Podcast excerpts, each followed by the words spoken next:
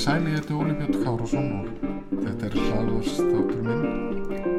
Er alltaf til hægri.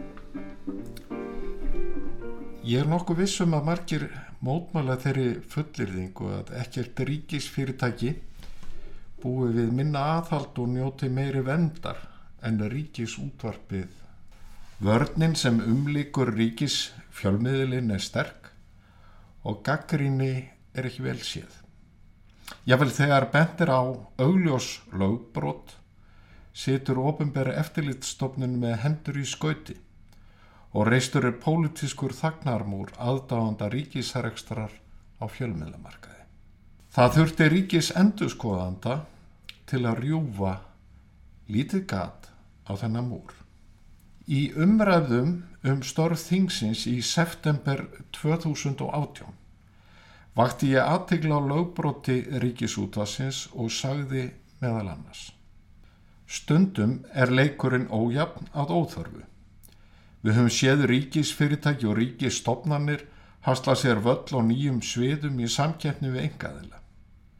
Við verðum vitnað því að ríkisfyrirtæki far ekki að lögum eins og ljóst er með ríkisútvarpið sem fer ekki að lögum um ríkisútvarpið fjörðu grein Það sem kemur skýrlega fram að ríkisútvarpinu beri að stopna dótturfélug til þess að halda utanum samkemnisreksturinn og skilja alfarið á milli almanna þjónustunar og samkemnisrekstrar.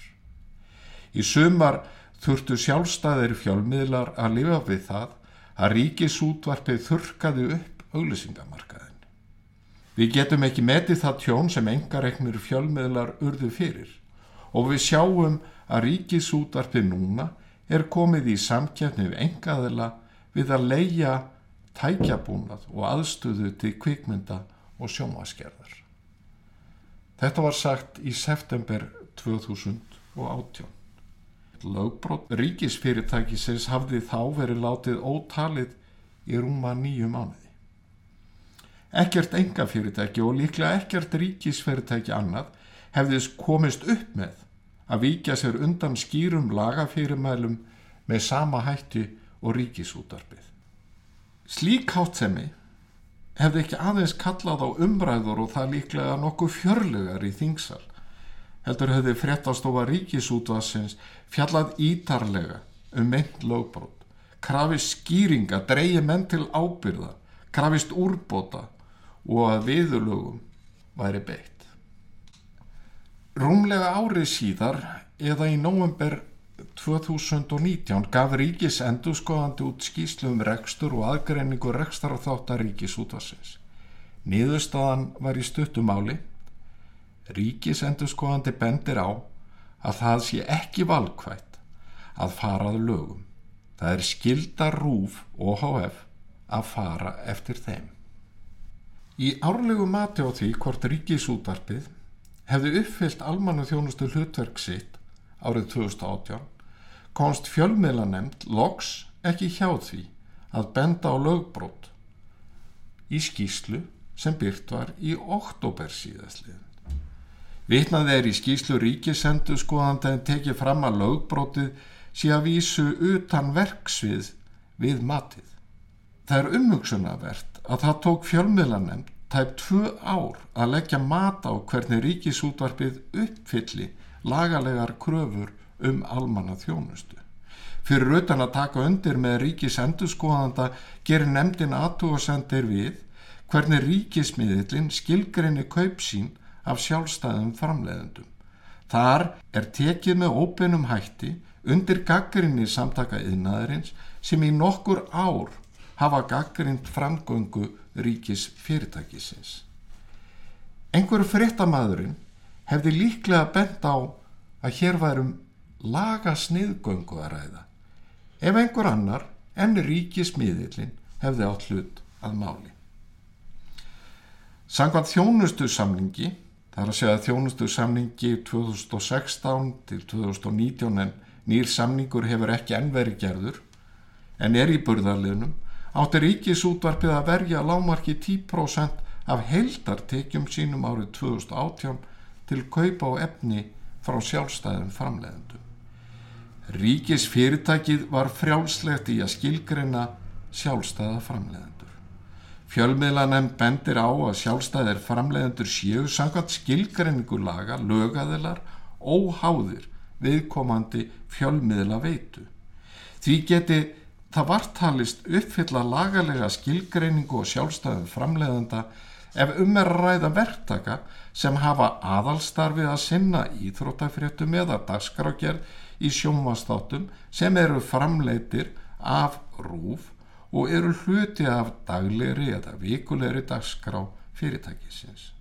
Þá geti einstaklingar sem fram til 8. júli 2020 voru skráðir starfsmeir rúf á vef ríkisútvarsins með eigin netfang á netfjóni rúf tröðla talist óháðir fjölmiðlaveitunni ríkisútvarpinu í skilningi laga um fjölmiðla. Þótt viðkomandi einstaklingar séu ekki á launaskrá ríkisútvarsins heldur þykki verktaka greiðslur. Engur hefði hér talað um gerfi verktöku og í þessu sambandi þá vekur nefndin aðtikli á, þar að segja fjölmiðla nefnd, á að upplýsingar um þessa starfsmenn hafi verið sóttar á vef ríkisútvarsins 7. júli 2020. Dægin eftir hefðu sömu upplýsingar verið fjarlagðar af vefnum. Merkilegt.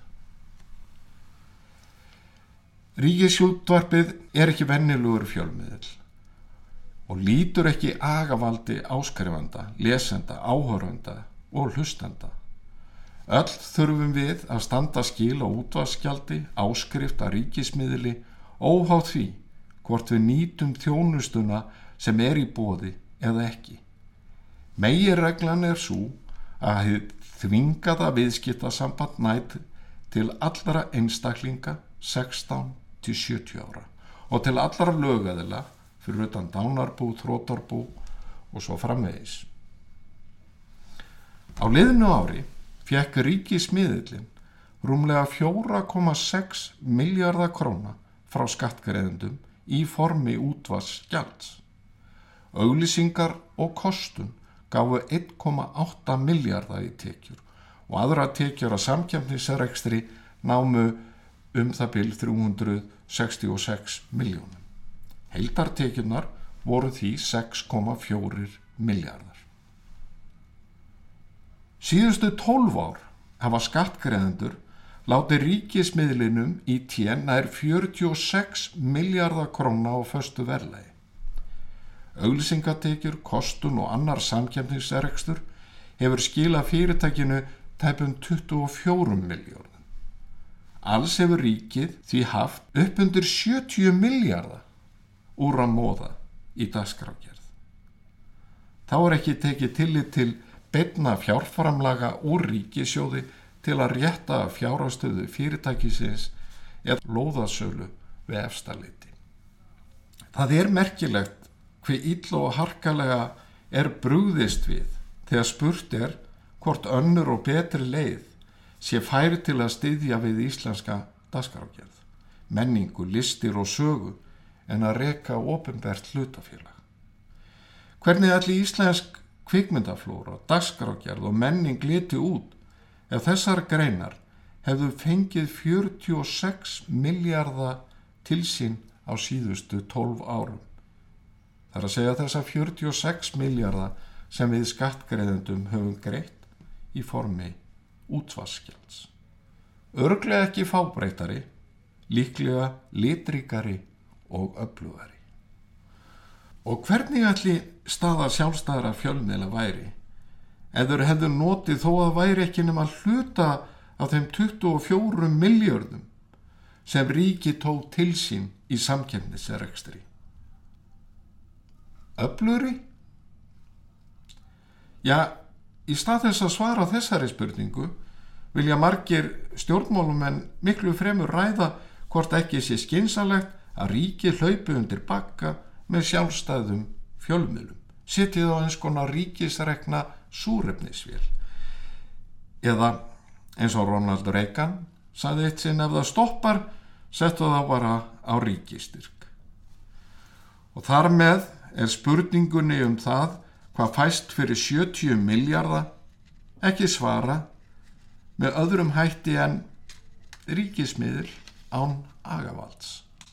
Lítið skref, sem við myndum segja hænufell, í þá átt að koma á einhverju maga á ríkisútvarpið er frumvarp sem ég hef lagt fram á samt nokkur um öðrum félugum mínum í sjálfstæðisfloknum. Þetta er frumvarp sem lætur ekki mikið yfir sér en er að minnstakosti tilraun til að koma á þessu maga.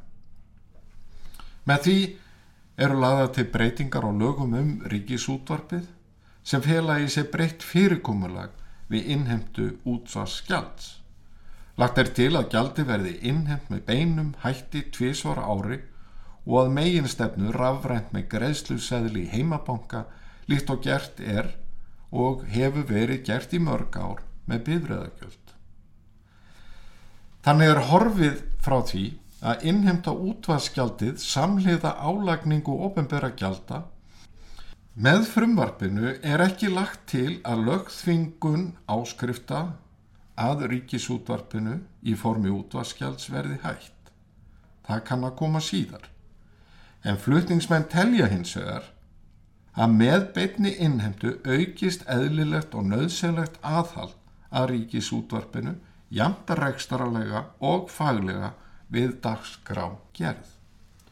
Og þá fara fleiri og fleiri að spurja sér þeirra spurningar sem margir stjórnmálumenn neyta að svara.